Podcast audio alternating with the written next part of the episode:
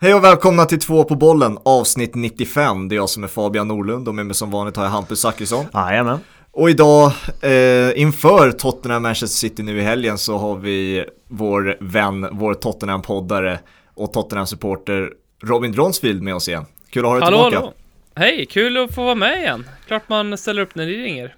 ja, det uppskattas alltid och eh, jag vet inte, finns det så mycket att prata om efter den, den här veckan? Känns som en Nej. ganska, ganska neutral eh, vecka, det är inte så mycket som har hänt va? Är det något som sticker ut för er? Är ni Liverpool och Tottenham-fans, är det någonting som har hänt? Nej, det är väl ingenting som har hänt. Jag vet inte om någonting om, det är allt som vanligt. Ingen liga som har bara passerat på en vecka sådär, på några dygn. Nej, det har varit en helt, eh, helt sanslös vecka och liksom mitt i allt det där så skickade Daniel Levy liksom Mourinho eh, åt vargarna eh, och till, till alla Tottenhams supportrars glädje vad jag, vad jag förstått det men det var ju också lite smolk i bägaren där när det var Super League-dramat men sen liksom sköljde ju även det över. Hur, hur har den här veckan varit för Ja, dig du, Robin? du måste ju dra din måndag alltså Robin.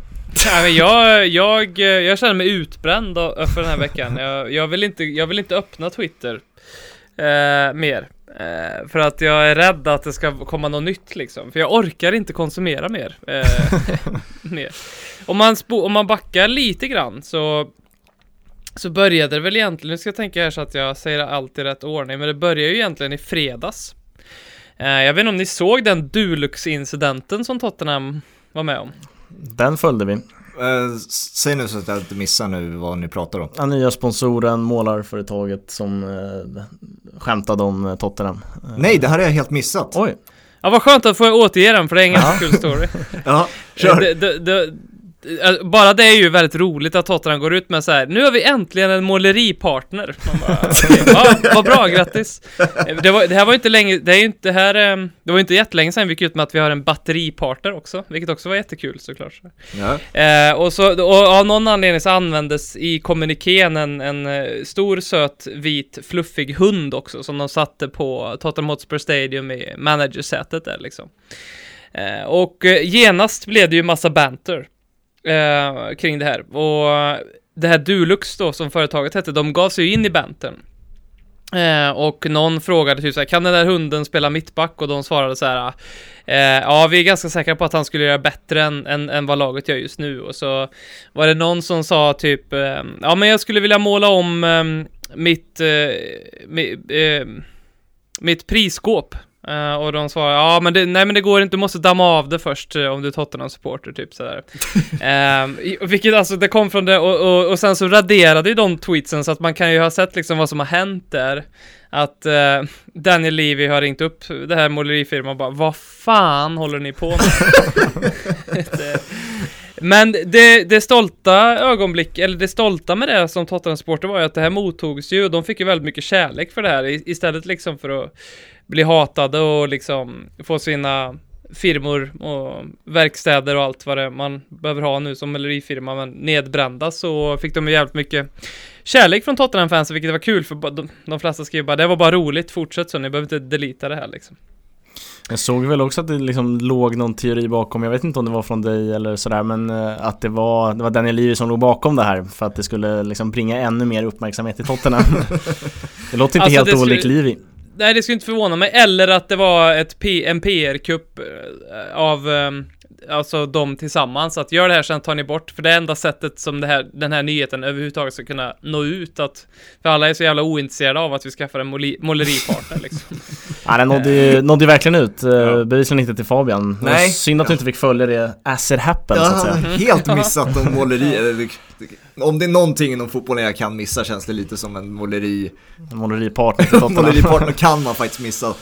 Ja, nej, säg inte det. Nej, men sen så, sen så kom ju såklart Superliga-grejen på söndagen.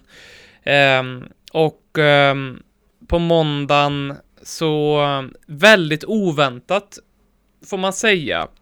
I efterhand så förstår man kanske lite mer logiken bakom det, men väldigt oväntat så kom ju också nyheten om att José Mourinho fick kicken. Jag hade inte förväntat mig det, och jag tror inte, jag tror inte de flesta Spurs-fansen hade förväntat sig att han skulle få kicken i måndags i alla fall, att han skulle få kicken i, under det här året, absolut, tror jag de flesta räknat ut på ett eller annat sätt liksom. Mm. Men de flesta hade nog tänkt att det händer nog först fram till, fram till sommaren. Så att det, nej det har varit, ja, min skärmtid den här veckan på mobilen den lär ju springa iväg den i alla fall kan jag säga. Nu var ju det här ryktet om att Mourinho fick sparken i en protest mot just Super League, den var ju felaktig det ryktet. Gjorde Ja. det någonting med dig den timmen då det ryktet såg ut att verkligen stämma?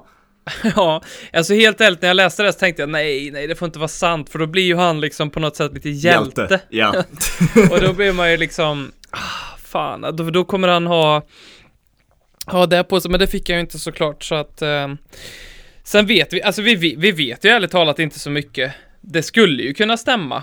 Ehm, vem har, men, men, men jag, jag tror att det är ganska osannolikt eh, att, det, att det gör det faktiskt. Jag, jag, det, det är väl, ehm, det har ju inte varit någon officiell kommun- kommunikation kring just det, men det som har sipprat ut har ju mer i efterhand varit att det har rent och hållet med, med resultaten att göra under den här veckan, jag har liksom aldrig varit så dålig på källkritik som jag varit under den här veckan. Jag har liksom bara liksom satt mig i båten och åkt med på alla möjliga vågor. Så här, ja, Agnelli lämnat, jaha, han har lämnat, ja skönt. Så bara, nej han har inte det, nej okej. Och sen, det finns liksom massa olika grejer som har bara liksom kastats in i elden och man vet inte vad man ska tro på. Jag har typ trott på allt tills det bevisas motsatsen.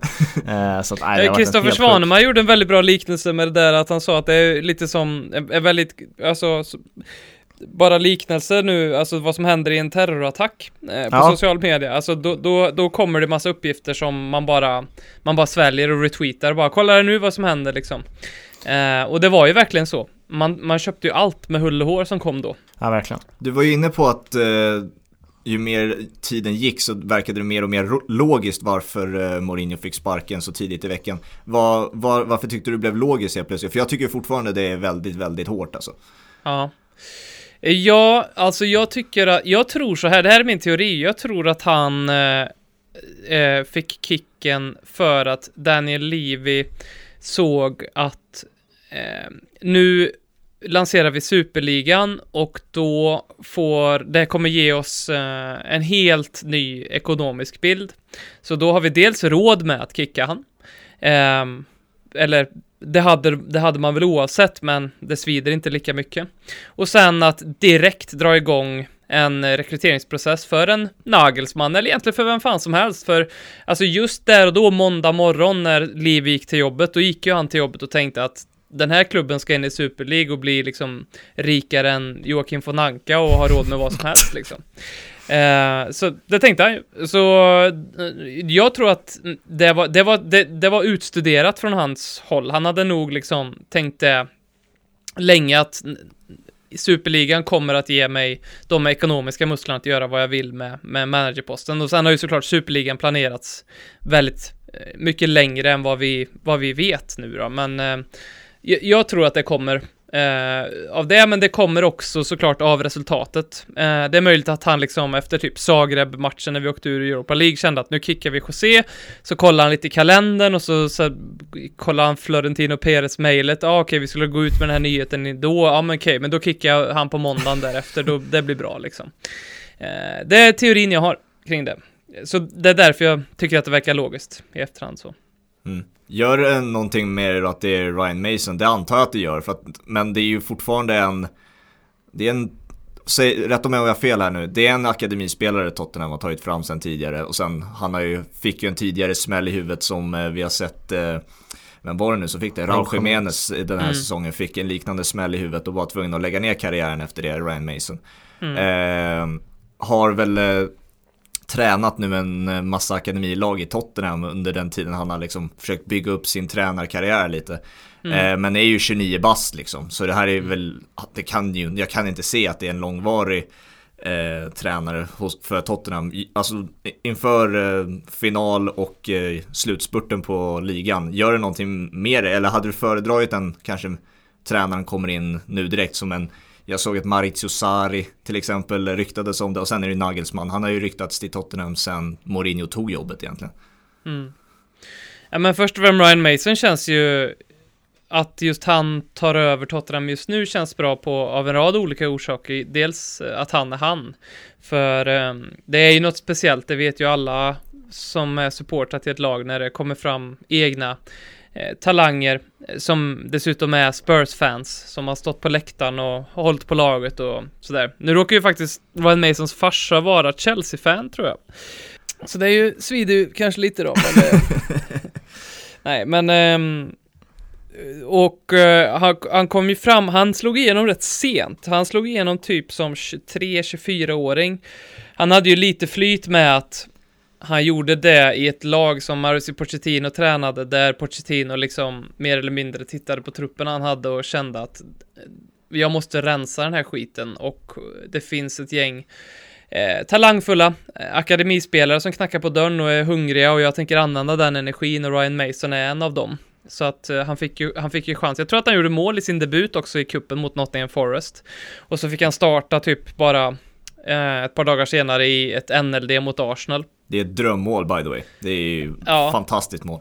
Ja, ett helt underbart mål. Så att det var ju lätt att förälska sig i, i Ryan Mason då, eh, snabbt liksom. Sen så var ju han, han var ju en eh, sämre version av Harry Winks liksom. Eh, Ja. Lite längre fram i banan, absolut ingen eh, storspelare.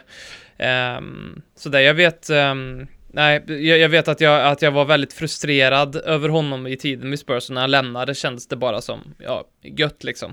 Så det visar ju också lite hur snabbt man glömmer saker och ting, för det, min, det, det minnet fick jag ju liksom verkligen söka fram att jag faktiskt har varit lite frustrerad på den här Ryan Mason-spelaren också. För att, så. Eh, så att, nej och sen så fick han ju chansen och egentligen var det ju så att han, eh, det var ju Pochettino och eh, John McDermott då, Ehm, som ringde upp Ryan Mason när han hade eh, fått den här huvudskadan. Ryan Mason och Pochettino ska ju haft en ganska fin relation. Eh, och eh, ringde upp Ryan Mason och, och bad, kom ner och bara liksom känn på, i, inte, de erbjöd ju inte honom någonting, utan kom, kom ner till Hotspur Way, för han, han bo, bor ju typ 10 minuter ifrån träningsanläggningen, Ryan Mason och sånt där. Kom ner och bara liksom andas lite fotboll och titta på det här och och då började Ryan Mason direkt känna att så här, det här var ju rätt kul och började framförallt hänga eh, runt akademigänget och eh, ge dem lite tips sådär från en kille som ändå hade gjort ett par eh, säsonger i Premier League och så. Eh, och kände liksom mersmak för det och, och beslutade sig för att, att eh, utbilda sig till tränare och fick det förtroendet av, av Tottenham. Och sen dess har han ju eh, haft en fin karriär eh, som eh, ja, så fin man kan ha som ungdomslagstränare då, men alltså eh, fått rätt mycket förtroende för, för U18-lagen och sådana här saker. Eh, så det är en väldigt, det är en solskenshistoria eh, på många sätt. Inte bara att han är egen produkt, men att han utsattes för den skadan han gjorde och att eh, han fick en ny chans och att det var just Tottenham han fick den. Det är ju fint på många sätt tycker jag. Eh, sen så tror jag att eh, jag, vi, chattar, vi har ju en chattgrupp här med våra Eh, Spurs-fans med våra lyssnare och ställde nyss frågan så här, om, om Ryan Mason nu skulle vinna ligacupfinalen och lösa topp 4, vill vi att han ska få fortsatt förtroende? Eh, och sentimentalt så känns det ju som att man, man vill ge han det. Men samtidigt så får man tänka lite logiskt och eh, det, det, det klokaste långsiktigt måste ju ändå vara att satsa på en lite mer etablerad tränare här och nu. Eh, för jag tror att den, han behöver, jag, och det tror jag inte Ryan Mason har några problem själv att inse heller att han behöver, eh, han behöver mycket mer erfarenhet för att ta hand om ett Premier League. Men det, att han kommer vara med i setupen på ett, eller- ett eller annat sätt, det, det tror jag. Kanske till och med i och kring A-laget som A-lag, assisterande eller något sånt där. Det hoppas jag. Eh, det skulle vara väldigt fint. Det har ju gått en, liksom, en trend över det här att eh, klubblegendarer, jag vet inte hur liksom, högt vi ska sätta Mason i Tottenham-hierarkin eh, Legendar eller inte, men han har ändå varit liksom, han är Tottenham through and through och liksom har spelat där. Eh, Och att de här spelarna som tidigare har spelat i klubben tar över klubben som tränare och då oftast kommer med förväntningar både liksom tränaren till klubben, att förväntningar på liksom tid och ja men, ja, men få förtroende. Eh, men också från supporterhåll att så här, men den här killen kan göra någonting, typ Pirlo i Juventus. Jag tror att det, liksom, det här var ju långt under det de förväntat det, det Pirlo gör just nu i Juve. Men just nu när Mason är i Tottenham, det är inga förväntningar överhuvudtaget, varken från Masons håll på klubben eller på supportrarna på Mason, utan han ska bara liksom köra ut den här säsongen och sen går det som det går. Och som du säger, topp 4-plats och ligacupfinal är ju det bästa möjliga. Och skulle han lösa det så tror jag ändå inte att varken han eller klubben känner att det är läge för honom att liksom skriva på ett kontrakt som tränare och det känns, ja, men det känns härligt för att det är liksom, ja, men inga förväntningar, det går, det går som det går liksom. Jag har inte så mycket att ge för den där trenden faktiskt. Jag tycker det är nu kan det vara en litet slump och tillfällighet att det blev just liksom en och samma, på ganska kort tid liksom Arteta, Lampard, Solskär. Eh, någon mer som jag glömmer? Det var det säkert. Nej, Pirlo då i Juve. Ja, Pirlo såklart. Så. Eh, jag, jag, tror att det, det, det, har nog, det är nog kanske lite slump och tillfällighet liksom så här. Men jag tycker ändå, alltså ta Chelsea som ett exempel så är det ju Ja, det är ju huvudlöst av båda parter egentligen att ha Frank Lampard i det här läget. Alltså att, att han inte själv känner så här, nej, det här ska jag vänta lite med. Typ Steven Gerrard. Eh, mm. Så som jag tror att han resonerar. Och, och, och Chelsea för den delen liksom. Eh, eh så, och på ett sätt så är det ju, är jag lite glad och tacksam för att jag tror att inte det kommer hända så med Mason heller, för Danny Levy är ju hänsynslösare än hänsynslösast när det kommer till att sparka managers liksom. Det, där finns det ju noll sentimentalitet. Eh, så att han är ju verkligen inte den. Det kan ju vara en trygghet som Tottenham-supporter också, ska att han skulle ju aldrig hålla kvar Ryan Mason bara för att det är Ryan Mason heller. Eh, mm. Ifall det inte, skulle funka. Det här är ju killen som har liksom sparkat Martin Joll i, i ett textmeddelande i halvtid i, i liksom, det, han har liksom, det finns ingen, inga skrupler i kroppen eh, hos Daniel Levy. Nej, men på tal om eh, den här hänsynslösheten då så Alltså på tal om, jag tar det tillbaka till Super League nu. Vi har ju sett så många ursäkter från så många klubbar nu. Eh, vi fick ju se Henry bland annat eh, eh be om ursäkt till alla Liverpool. Han kämpar på. fick be om ursäkt till alla Liverpool-fans och tränare och spelare och så vidare. Har vi hört någonting från Daniel Levy? Nej, vi har fått eh, det där um, standard corporate meddelandet på hemsidan. Ah, okej. Okay. Um, jag tycker ju att uh, jag, jag, jag, jag vill, ångra, jag vill inte liksom ge mig in i och analysera, jag tycker det blir för mycket analys på sådana där meddelanden lite grann om man ska vara ärlig liksom att så här, jag har sett så mycket på att, ja de använder de här orden liksom, ja, eh, de hade kanske kunnat använda de andra, antagligen så, så, så satt de och kallsvettades bara, vi måste få ut något och så skrev de första bästa och då blir, då blir det inte alltid jättebra. Nej. Eh, alltså, och sen så tycker jag att man är lite, jag tycker man är lite för hård, ta John Henry då.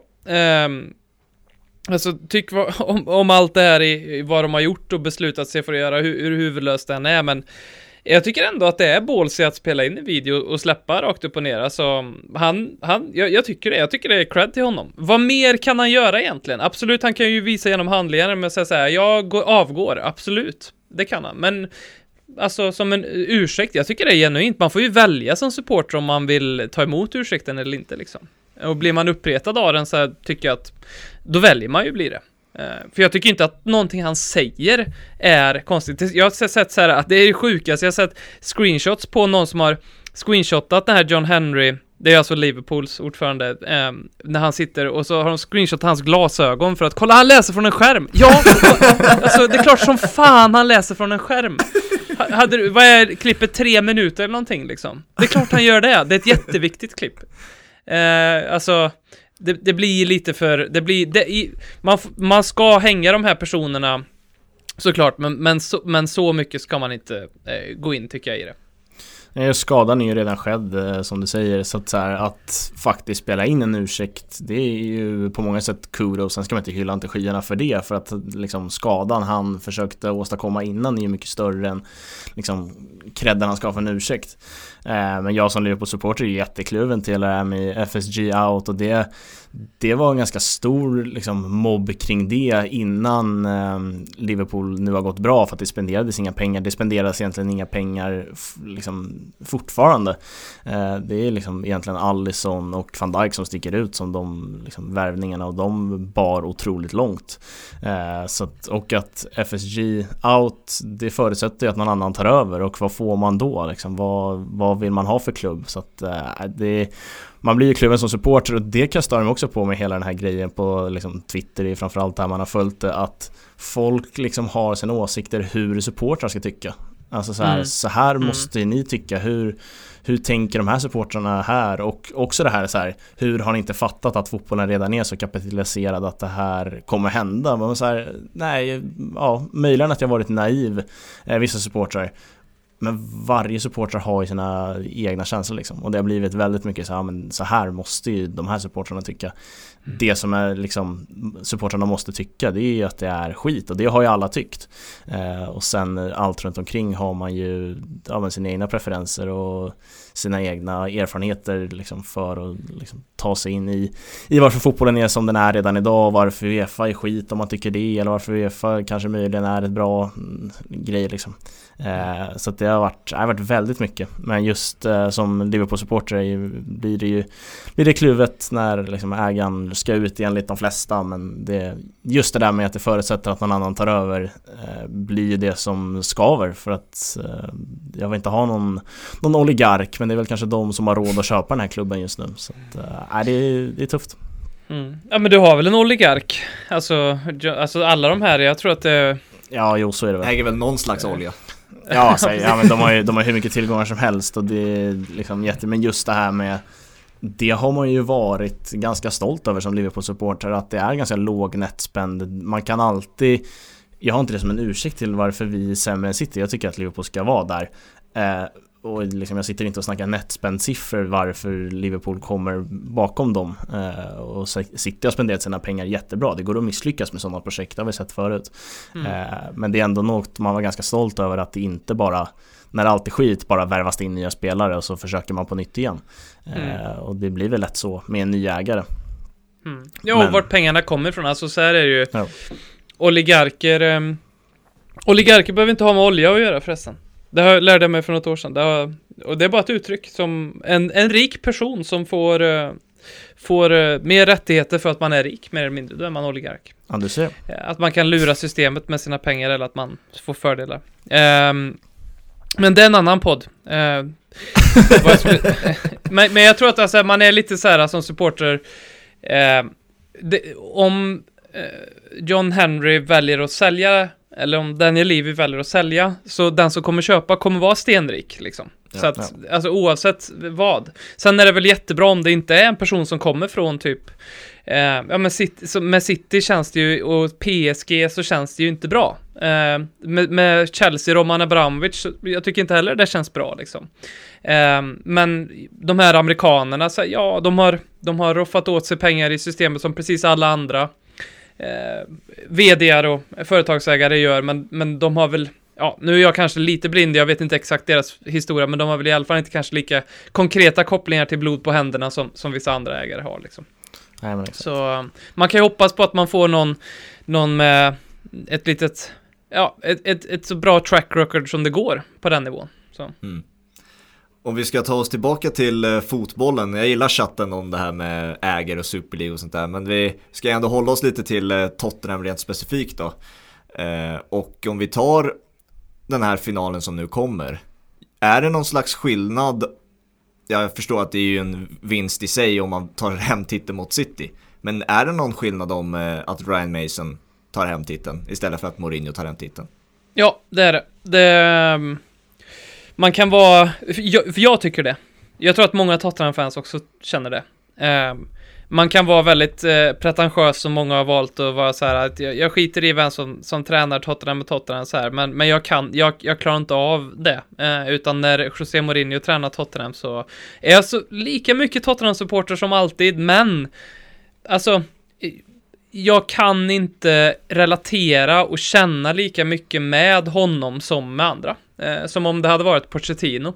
Han hade inte behövt Um, eller han, han, är, han, då har han ändå gjort ganska mycket rättare sagt för att jag ska känna så. För um, um, jag, överlag är jag nog ganska förlåtande mot managers. Jag sk skulle tro att när vi pratade sist att jag fortfarande sa att ja, men jag är villig att tro på Mourinho, liksom även om jag inte är 100% överens med honom, men liksom. Eh, sen så tycker jag att senaste tiden bara visat att han är, att han är en, en, en idiot.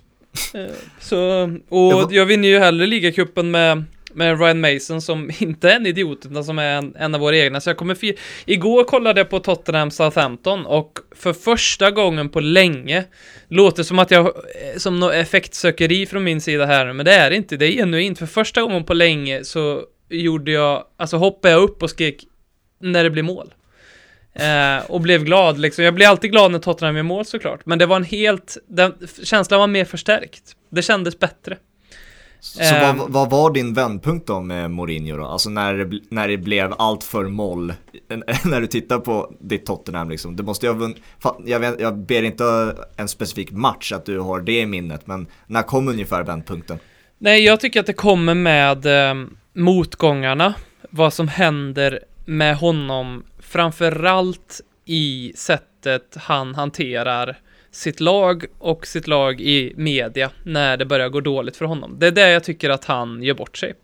Att han, att han får frågan liksom, du José, du har liksom tränat lag som har karaktäriserats av att man eh, har en bra defensiv, en tät defensiv och brukar inte släppa in mål sent i matcher. Va, vad är skillnaden nu med Tottenham? Nej, samma coach och olika spelare, alltså det är ju, det är så jävla oproffsigt tycker jag. Det sättet jag ser på ledarskap är, det är så rak motsats till det. Eh, sättet att, att liksom i en presskonferens hänga ut vissa spelare och säga att vissa, vissa grejer kan inte jag coacha bort. Alltså José, det här är, du, du har samma, mer eller mindre samma trupp, du är du. Eh, för ett, ett och ett halvt år sedan när du kom in så sa du det här är typ den bästa truppen i Jag tror det finns ett citat i, i Tottenham-dokumentären han säger att det här är typ topp tre bästa trupper i Premier League. Jaha, då har du förstört den då. för det, alltså det är ju det som har hänt. Det, alltså, ehm, och, och ehm, att han eh, när han blir kritiserad i media liksom bemöter det som att min, min taktik är second to none och han fryser ut spelare av skäl som näst, alltså det går bara att eh, rel- här leda det till att han på ett sätt ehm, att det är personligt. Det är inte sportsliga skäl han, han fryser ut spelare på eh, utan för att de ja, jag vet inte, för att han vill ha dem som eh, scapegoats eller vad fan som helst. Mm. Att han, att han gjorde laget eh, till varenda lag vi mötte så gick vi ut som att vi skulle få tokspö. Att han ställde upp liksom ett defensivt innermittfält och en låg, sitt, låg backlinje mot liksom Brighton och Burnley. Alltså, det, jag tröttnar på det i längden. Um, jag red på vågen när, när det funkade, men man insåg ju någonstans då att det finns sprickor i det här och när de kommer så kommer de vara jättestora. Eh, och det blev så jävla tröttsamt i längden det där. Eh, det där i kombination. Och sen så har coronan en effekt, både på, på mig som privatperson, att det här är väl inte den lyckligaste tiden i livet just nu för, för, för de allra flesta och då, det tar ju sig uttryck på allt liksom. Och så också på fotbollen, så det påverkar och det är inga fans på arenan som jag kan relatera till heller, så att det är ju såklart att det gör hela saken någonting mörkare, men, men José Mourinho är ju den som, som dominerar det. Så vändpunkten kom väl i det var det. Eh, måste varit... Liv- Liverpool-matchen var ganska tydlig vändpunkt. Alltså, för där kändes det som att vi hade den vi förlorade med... Jag kommer inte... Jag har blandat ihop de här matcherna, men 3-1 Eh, va? 3-1 va? Ja, i Ja, december. var Tottenham samma match. Ja. Ja, det vet väl du Hampus? Eh, Ja, jag, jag minns eh, att Firmino nickar in 2-1 på Anfield Exakt. och sen att eh, andra halvlek på eh, Tottenham Hotspur Stadium var ju eh, liksom en överkörning där Tottenham la sig ner. Ja men precis, det var, och det var ju ett läge liksom när Liverpool var sårbara, hade urusel form. Tottenham hade, och som jag minns det, liksom eh, bästa möjliga elva, hemmaplan, någonting att gå för, men det bara liksom, nej, ingenting. Vi, vi backade hem istället och, och, då, och då kände jag att han är för cynisk. Det är liksom, han vågar inte släppa, han låg, och jag tycker att det syndes nu mot slutet så mycket på spelarna att de liksom inte vågade uttrycka sig och inte heller vågade ta risker som skulle kunna göra att de begav misstag, så, så att det blev så trist. Eh, och jag tror att det helt och hållet har med, med, med han att göra. Tyvärr. Känslomässigt eh, bättre med Mason, eh, sportsligt inför en ligacupfinal. Eh, vad liksom, era sportsliga chanser, tycker jag att de är bättre med Mason nu än med Mourinho. Och det vill jag vara tydlig med, det är liksom ingen utvärdering av vem som är bäst fotbollstränare utan i det Mourinho, alltså i det läget han lämnar Tottenham hade det laget haft en större chans än det Mason har tagit över nu för det blir ändå en, det blir ändå skillnad i energi. Ja. Och mycket, mycket handlar väl om Keynes närvaro, men det, är liksom, det gäller väl för båda tränarna. Det hade Ja. varit för samma för Jag, jag, jag tror vi har en större chans eh, eh, för att han är borta och det är enbart för att överlag så när ett tränarbyte sker av den här typen av karaktär så får laget eh, där och då någon form av liksom energi. De allra flesta lag får någon form av, eh, också när man får en ny manager, det första som händer liksom. Det är ju skillnad kanske om, om vi, vi tappar våran manager liksom, om vi är eh, ja, vilka ska man ta som? Så Celtic, jättebra exempel. Alltså tappar Brandon Rogers. um, ehm, att han försvann, då, då fick ju inte Celtic en energi. Det, det var ju tvärtom, det gick ju liksom jättedåligt för dem. Tottenham tappar ju José Mourinho, men det är ju för att vi gör oss av med honom, för att inte vi vill ha honom. Så jag tror att det, det blir en positiv reaktion. Den, är kortvarig såklart, men den, den energin kan vi nog rida på i, i, i. Sen så tror jag fortfarande att våra chanser att vinna matchen är marginellt sett större bara. Eh, vi är ju, alltså City är tok stora favoriter. Eh, möjligtvis att, att det också förbättras för vår del av att just City inte har kvadruppen att springa efter. Eh, men, så att, men nu har man ju åkt ut, ja, FA-cupen och det gör ju liksom att, ja, eh, hur ser man, på det då? Blir man liksom defensiv och vill gå på det eh, gå för det mer i, i Champions League då. Eh, så, att, så att det inte blir liksom till slutändan bara Premier League de slåss om. Eh, det är svårt att läsa City där tycker jag. Eh, men du var inne där på den kortvariga boosten man får med en ny tränare som Mason. Men hur ser du på, om du blickar längre fram i tiden och inte bara det spelmässiga men också spelare som har haft stora problem under Mourinhos tid. Eh, jag tänker framförallt på Dele Alli. Men också så har vi en Danny Rose som har kommit tillbaka till träning nu till exempel. Hur ser du på vissa spelare som kommer nu kanske tillbaka och få spela för Tottenham igen på riktigt? Ja, och det tror jag också, alltså det här tror jag, nyss att jag sa här att man eh, läser in för mycket i eh, de här ursäktsbreven som klubbarna kablade ut efter Superligan. Eh, så nu kommer jag direkt med mitt hyckleri när jag har läst in supermycket i vad Harry Winks skrev på Instagram. eh, jag ska leta upp exakt vad han skrev. Ja, gör det. Men eh, Harry Winks blev ju, han startade ju inte mot Southampton. Eh, utan han byttes ju in i, i slutet på matchen. Harry Winks var ju liksom, eh, han har den här säsongen har ju, ja, kanske de två, två, två och en halv senaste har ju han varit supersvag. Eh, och verkligen en skugga av den talangen som slog igenom genom Pochettino. Eh, men han skrev så här. Uh, big win last night from the boys. So happy having the opportunity to be back on the pitch.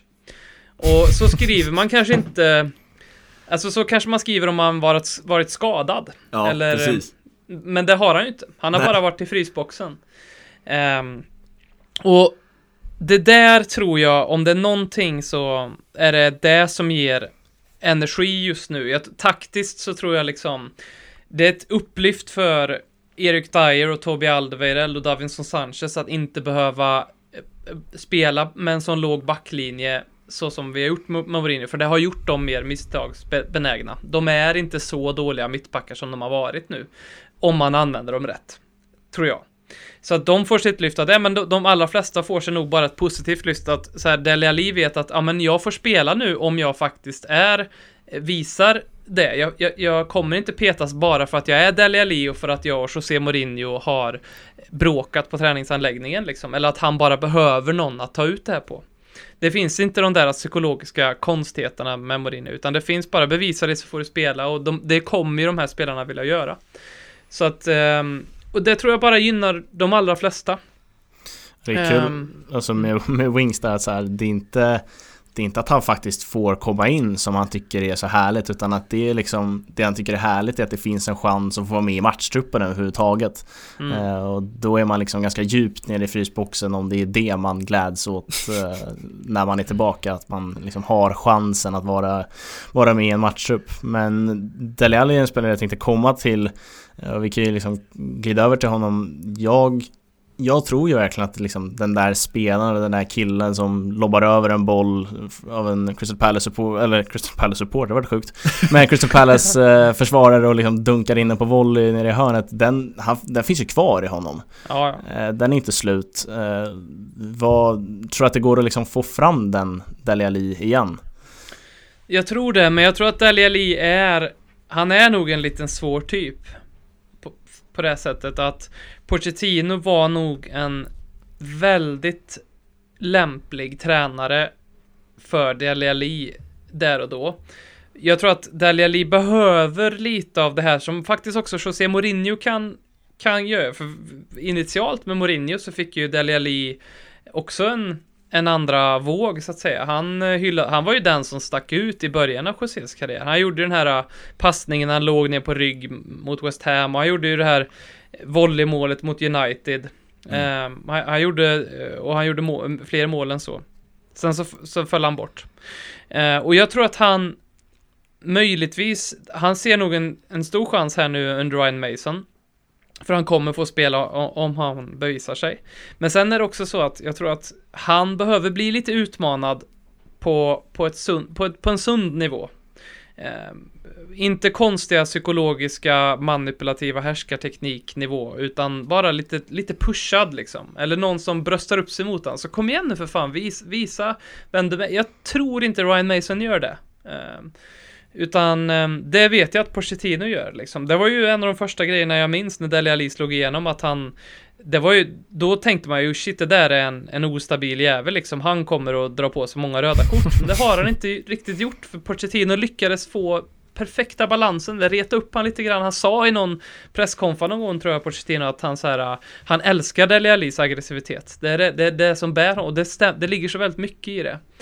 Mm. Um, så att det är möjligt att Dele inte riktigt nu, det, det, då, då handlar det nog väldigt mycket om hur pass han kan ta sig i kragen. Eh, tror jag. Jag tycker det är jävligt trist att det har blivit så här med Dali Ali för jag minns alltså under en period där man liksom slutade idolisera spelare för att man liksom började nästan bli för gammal för det så nickar han in två bollar mot Chelsea om jag minns det helt rätt och jag kände liksom, även fast jag inte håller på Tottenham, eh, liksom höll lika mycket på Liverpool då som nu så kände jag att jag liksom blev, blev barn på nytt och blev liksom kär i en spelare på det här sättet. Eh, han var mm. helt galet bra i den matchen och den säsongen när han liksom sprutade in mål eh, och sen liksom den, den spelaren har försvunnit så länge nu. Uh, nej, jag, jag hoppas verkligen han kan hitta tillbaka till någon typ av form. Liksom. Att han blir en ordinarie spelare i Tottenham och gör en hel del mål. Mm. Ja, kvaliteterna har han Alltså det är, inget, det, är inget, det är jag inte alls bekymrad om att han på något sätt ska ha tappat. För det var ju, det har han visat från tidig ålder att han är en klassspelare liksom. Mm. Så det handlar bara om hur mentalt stark han kan vara i det här. Eh, tror jag om vi ska foka på en annan spelare, en annan individ. Eh, hur går snacket kring Harry Kanes skada? Är det en matchredo på söndag tror du? Alltså helt omöjligt att säga och det är nog eh, också lite medvetet just nu från både han och Tottenham att inte försöka eh, varken inbilla City att han ska spela eller inte ska spela för att bara helt enkelt skapa någon form av oreda för City. Verkligen ingen aning. Um, det, det, om man säger så här, om Harry Kane inte spelar, då, då är det ju, då, då ska det ganska mycket till. Jag tror att han, det han frågar läkaren nu liksom 24-7 är så här, hitta en ny lösning, bara få mig att spela liksom. Det var ju, så att jag tror att han kommer göra precis allt i sin makt för att göra, och han gick ju inte på kryckor efter, efter skadan, det var väl mot Everton om jag minns rätt. Mm. Uh, han gick inte på kryckor och det är ju alltid ett bra tecken. Eh, och han var på arenan igår och finns inga videoklipp ehm, på hur han gick eller så här. Så, så ja. Det ehm, är helt omöjligt att säga. Nej, och det, det har ju alltid pratats om Harry Kanes framtid eh, egentligen. Men det har väl, med tanke på hans fantastiska säsong och det kanske är en av få cred man kan faktiskt ge Mourinho att han faktiskt fick igång Harry Kane, lite som man fick igång eh, Dele Alli som du var inne på där i början under sin eh, Tottenham-session där. Alltså, så här bra har Harry Kane aldrig varit, vad jag kan minnas i alla fall, och det känns ju närmare än någonsin att han lämnar också. Hur, eh, och den dialogen och den kommunikationen jag har fått höra från många Tottenham-supportrar är att ah, vi accepterar honom, honom vad han än nu väljer, alltså vad man väljer att ta sig till Manchester City. Och jag känner att det är lite tråkig mentalitet att inte kämpa för sin spelare mer än så. Vad säger mm. du? Mm.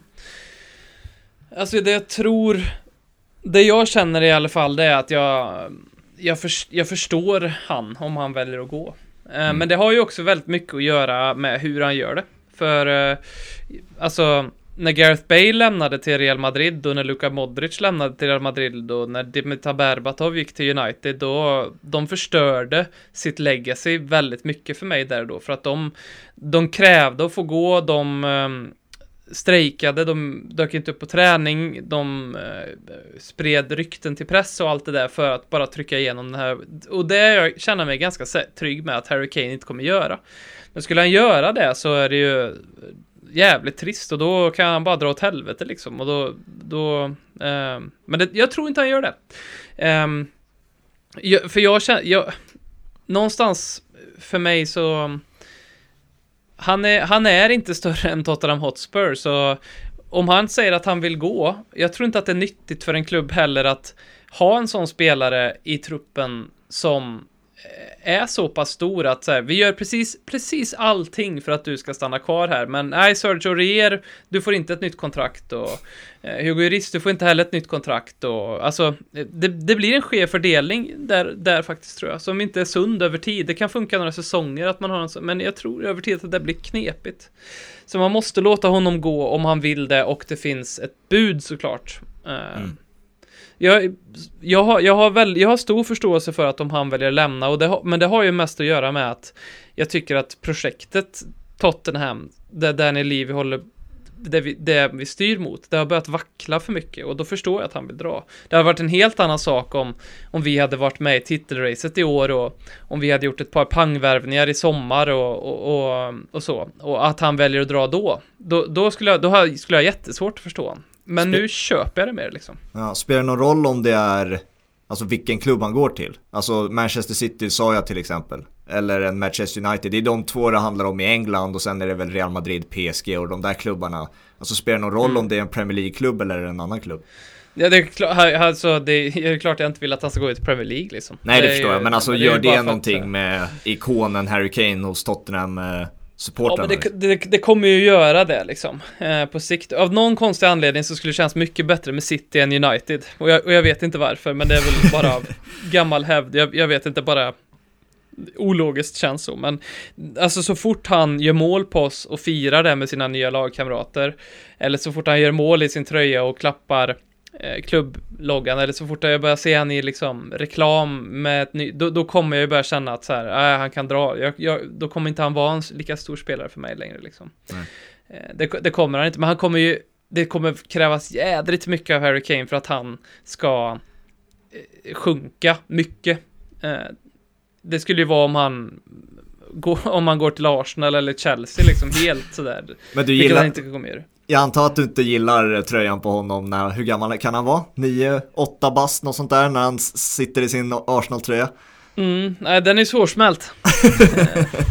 Men samtidigt är det ju också lite, det finns ju någonting eh, vackert i det där att, eh, för han är ju genuint väldigt idag förälskad i Tottenham Hotspur. Absolut. Och då är det väl, alltså då tycker jag det är lite, ett litet fuck you-finger till Arsenal och Arsenal-fans också att säga ja, ni hade han men ni sket i han liksom. Och kolla, nu gör han mål varenda, varenda gång vi möts gör han mål på er. Hur känns det? Alltså vinklat så känns det mycket bättre. Eh, Så att det där, äh, nej. Det är väl också så att Tottenham värvar inga spelare där det inte finns några tweets eller någon bild eller något sånt med Det är med ett en krav. tröja på. Ja, men exakt. Har du tweetat något eller har du en Arsenal-tröja så är det, det är ju sjukt egentligen. Det är Matt Doherty, sen är det ju Moussa Sissoko eh, och Sergio Rier är ju Arsenal-fans. Ja. Eh, så att vi, ja, då har vi fyra Arsenal-fans i truppen. Och Dochertys liksom video där när de ja, men faktiskt tog upp det eh, var ju ganska kul men det hade blivit roligare om han hade gjort någonting bra i Tottenham. Nu har han ju liksom bara sjunkit igenom ja, Ja. allt möjligt. Ja, verkligen. Eh, om vi tar och blickar mot eh, finalen igen då och eh, tippar då. Jag tror att eh, City vinner med 3-1. Vad ser ni för typ av match framför er?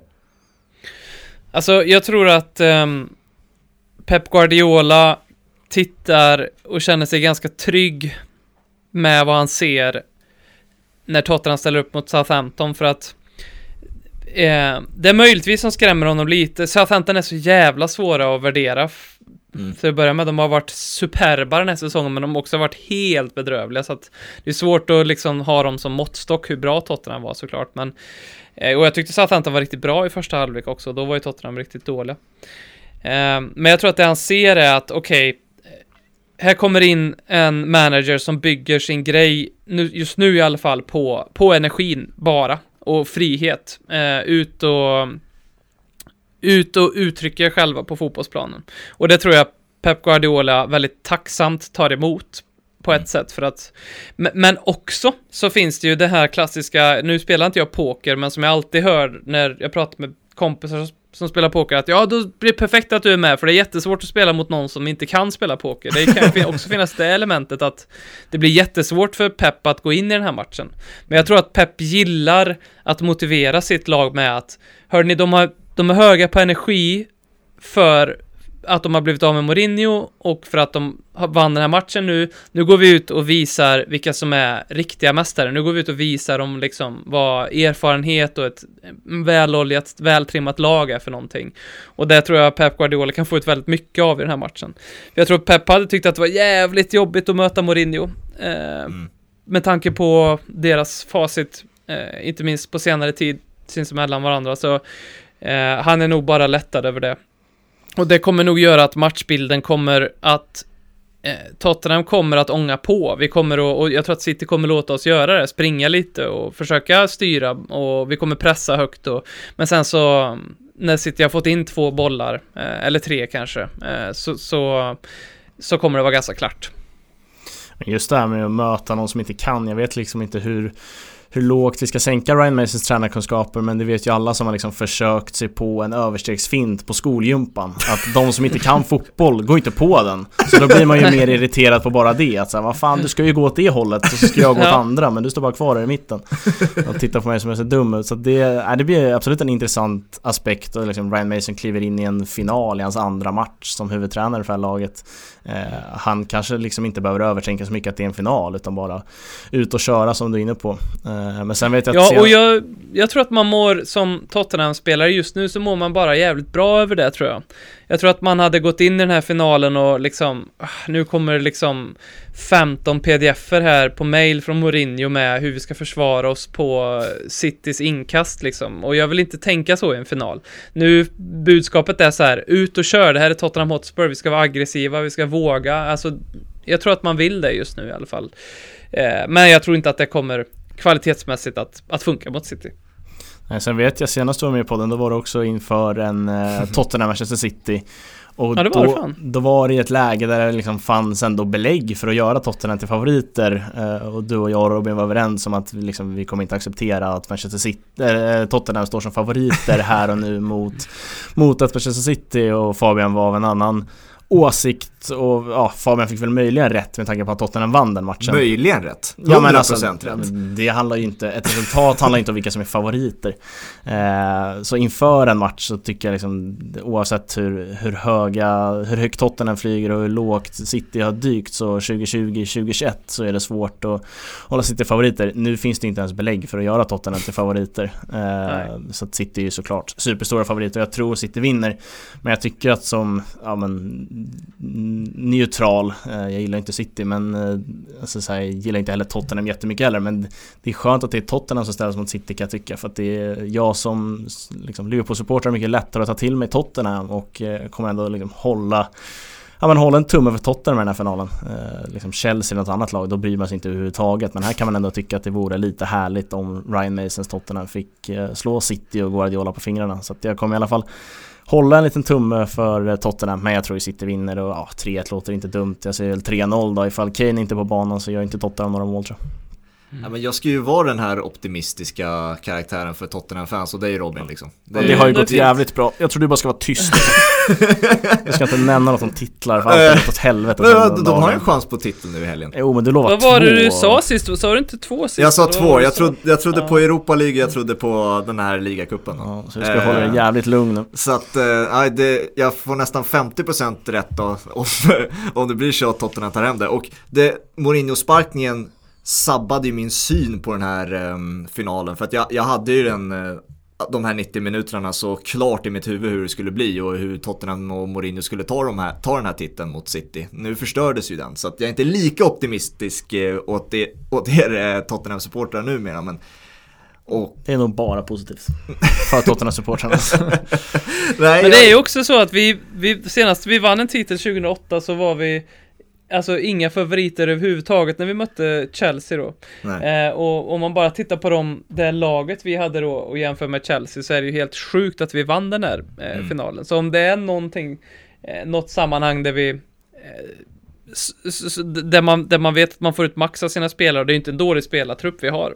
Eh, så Nej men jag, jag, jag måste ju stå fast vid det i alla fall att Tottenham tar hem en titel i alla fall. Så Tottenham tar ju hem där. Men eh, i och med att det inte är Mourinho längre. Jag hade ju såklart tippat en 1-0 vinst i Tottenham då. Eh, men nu, nu får det ju bli någon slags 3-2 eller 4-3 vinst liksom. För nu kommer det ju lite här, lite mer rock'n'roll ja, men lite mer rock'n'roll fotboll liksom. Det är väl det man förknippat Tottenham med några år tidigare, lite innan Mourinho och eh, när Pochettino verkligen fick ordning på grejerna. Då var det Tottenham, då var, det var väl under eh, Berbatov och Keen-eran där att det flög in bollar bakåt men också framåt. Det är, väl, mm. för, det är väl i så fall, om Tottenham tar hem det i helgen som jag ändå ska tippa, då, då blir det en sån typ av final vi ser på söndag. Vilk, mm. Vilket är kul för en neutral. Ja, om det skulle bli så, absolut. Jag tycker också att det finns, Tottenham behöver inte ens vinna den här finalen, men det skulle ändå finnas något sorts, ja men ganska liksom stort symbolvärde i typ torska 4-2, att så här, nu har vi brutit oss loss från Mourinho på riktigt. Nu mm. liksom ska vi ta tillbaka det som är Tottenham och ändå den identiteten som jag tycker redan, möjligen innan Pochettino, men verkligen Pochettino byggde in i laget att det är, ja men liksom heavy metal-fotbollen att det, det ska vara kul att se på Tottenham och det har det inte varit på, på något år så jag tycker inte ens Tottenham behöver vinna egentligen och det behöver inte bli just den här matchen det blir 4-2 heller men eh, att få någon sorts eh, urladdning eh, någon match som symboliserar det mer än någon annan under den här slutfasen av säsongen kan jag tycka är liksom ja, men det Ryan Mason kan bidra med om inte mer nu ska vi fan inte förlora med uddamålet längre, nu ska vi fan förlora med två bollar. Exakt, det ska bli det roliga Tottenham igen. Eh. Men avslutningsvis också, vi har ju varit inne på eh, Mason då, Mourinho och Levi. Eh, vi, vi, jag tror vi alla tre är eniga om att eh, ändå Levi, oavsett hur det går lite för Mason, inte kommer få fortsätta efter sommaren. Så vem är eh, favoriten för dig att ersätta Mason då och ta över? Är det Nagelsmann eller? Ja, såklart. Det, det, det är det ju. Um, det här är jag ju jävligt, jag är orolig i de här lägena för att Daniel Levy har gjort så mycket bra med Tottenham, men det sportsliga har nästan, när det har gått bra för Tottenham sportsligt så är det sällan man kan tillskriva det Danny Levy på alla sätt. Alltså att han gjorde en, den, jag summerade det här tidigare. Um, egentligen har han lyckats med tre manager tillsättningar. Den ena är Pochettino, som man bara kan ge rakt av. Det var det ju nog många som bara tyckte, jaha, är det Pochettino som ska ta över? Det känns lite, det var inte helt solklart liksom. Um, den andra manager som har lyckats var Harry Redknapp. Och han kom ju in för att rädda upp att Tottenham inte skulle åka ur Premier League. Juan de Ramos. Det var, det var 2000, det var 2008, så att vi hade precis okay. vunnit ligacupen med Juan de Ramos.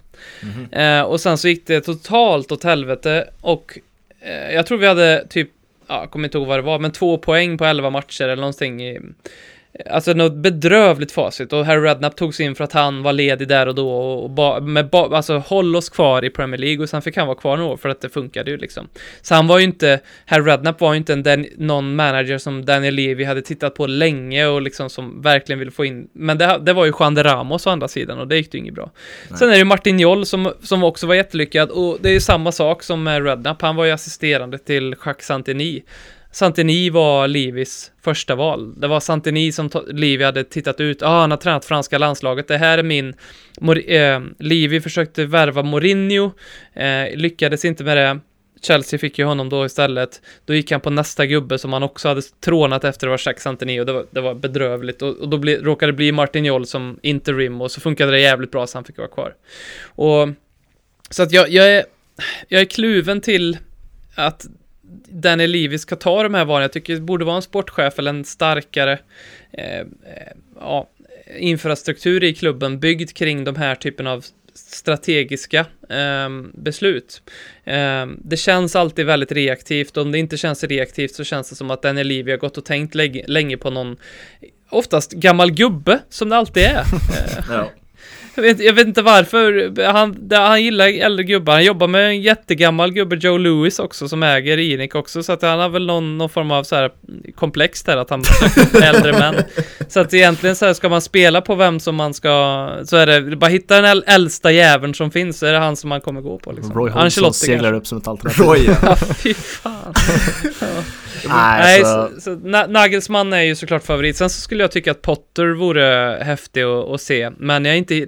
Ja, nej, jag, jag, jag, nej, jag ska inte säga det. Jag, jag, jag, jag tror jättemycket på Graham Potter, så det är som tränare alltså. Jag tror att han skulle göra jättebra. Men jag vet inte hur truppen skulle reagera på det. Vill de ha en Potter? Jag tror att den här, jag tror den här truppen är lite bortskämd nu med att ja. Eh, det ska vara ett namn. Ge, ge oss Nagelsmann liksom. Jag ja, tror det, det. Potter känns ju lite som en Pochettino-värvning lite. Att det är väldigt, väldigt tidigt inne på projektet liksom.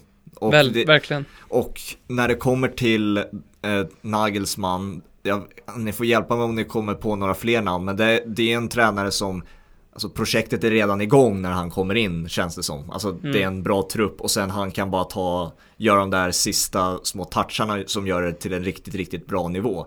Eh, jag vet inte hur många utöver Nagelsmann det finns, för som ni säger, antingen så blir det ju en eh, Roy Hodgson, gammal gubbe liksom, som kan sina grejer liksom och inte så mycket mer än det. Eller så är det en, en lovande tränare för ett projekt som Potter. Nagelsmann mm. känns lite däremellan, om vi bortser från hans ålder. Finns det någon annan? Finns ju Eddie Howe till exempel, men han är ju jävligt oklar. Eh, mm. För han är så oprövad på den nivån och han har ju inte ja, han har ju tagit upp Bournemouth från League 2 med inga medel alls eh, och hållit kvar dem i Premier League dessutom med ännu mindre medel typ. Så att det är jättebra presterat men nej, det, jag vet inte.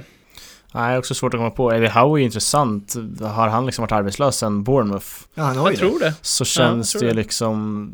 Det känns svårt eh, liksom att ta honom och hitta argument nog eh, för det. Han liksom kanske skulle nästan behöva ta upp ett Championship-lag igen på något sätt. Eh, men hans, jag tycker hans tränargärning är spännande. Även om det fallerade mot slutet och det är inte så konstigt när man tränar Bournemouth att det liksom inte Att det inte gick att hålla kvar dem i all evighet. Eh, Så det är ett spännande namn, möjligen inte för Tottenham, kanske liksom för Brighton ifall Potter flyttar. Eh, Men Eddie Howe har man faktiskt saknat lite på de eh, engelska sidlinjerna.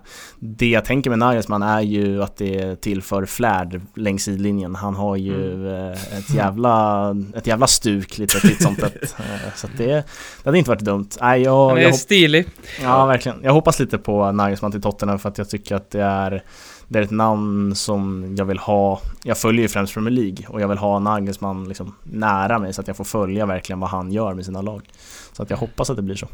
Han hade ju varit första namnet om Superligan har blivit av. Jag tror att när Mourinho sparkade eh, José i måndags, då var liksom eh, Då satt han bara och väntade på att ringa Julian liksom och, och han, mm. han fattar nog att eh, Bayern München rycker till dig nu liksom mm, Jag ja. förstår det, men, men jag, jag vill ge dig ett erbjudande som är skitbra För jag mm. vill ha dig här, men nu är jag osäker på om Livi kommer att ringa ens Eftersom att han inte har de ekonomiska garantierna och då lutar det mer åt en Potter eller en, en Howe eller eller att det blir en sån här skräckgubbe, vad fan heter den där Marcelinho i... Ja, Marcelino från Bilbao ja. som har gjort det liksom bra i några månader här. Det känns... Äh, det känns Han är jag livrädd för Ja, det alltså. förstår jag.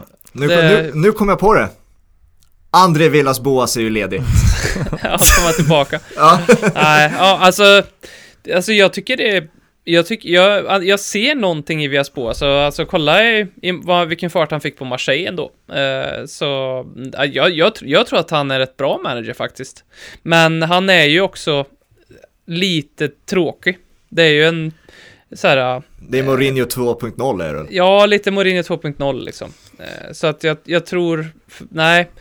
Brennan Rogers är ju med i mixen, Nuno Espirito Santo är med i mixen. Mm.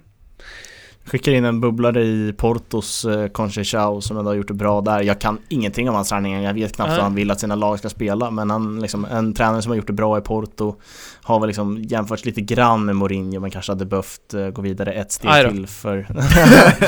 Jag, vet, jag vet faktiskt inte om det är med tränargärning eller om det är att han har tagit Porto långt i Champions League. Men eh, till sist, vad är sagt om publik på Wembley? Blir det någon publik? Det var ju publik i fa cup Ja.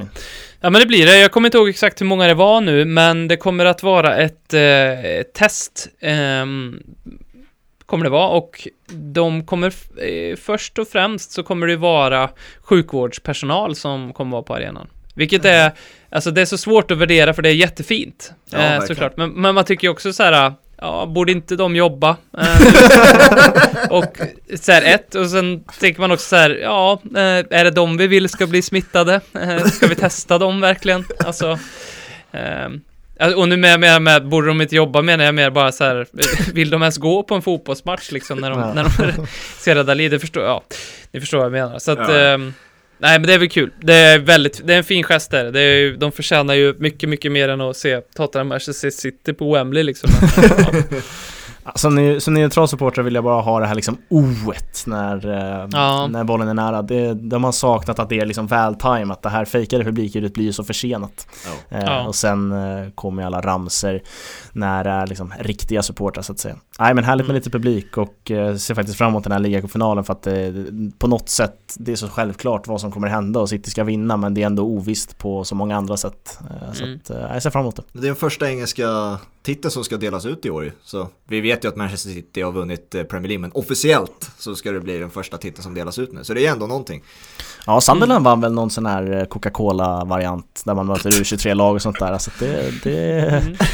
ska inte glömmas. Vad heter den? Eh, jo, det här, det hette Ja, väl Johnston Papa Paints John- Trophy eller Ja, sånt där de en gång i typ tiden. Sjukt att de har typ, mm, bytt nu till Papa John's Trophy. Papa John är ett företag. eh, så att det är Carabao och Papa John och allt möjligt. Ja, det är fina Ja. namn. Super League Ja. låter ju ändå lite mer så här, ja, super. Nej, han nämner inte super. Ja, Det hade ju varit fint om eh, Tottenham hade vunnit, om Superligan hade blivit av. Och Tottenham hade vunnit typ den sista, precis innan allt liksom bara blev skit, så vann de en riktig titel liksom. ja, verkligen. Vi avslutar där, tycker jag. Nu har vi hållit på att snacka Tottenham i en timme. Det- Jag älskar alltid Tottenham-timmen av någon anledning. Det, finns Ja, alltid något, det finns alltid något att prata om. Ja, ja nej men det, det susar och brusar kring Tottenham, det gör det.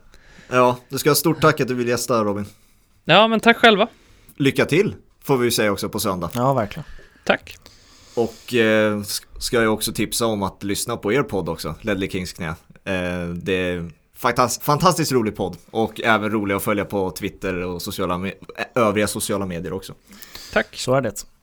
Eh, tack till alla som har lyssnat. Vi hörs igen på tisdag, får ni ha det så bra så länge. Tja! Ciao! Hej då.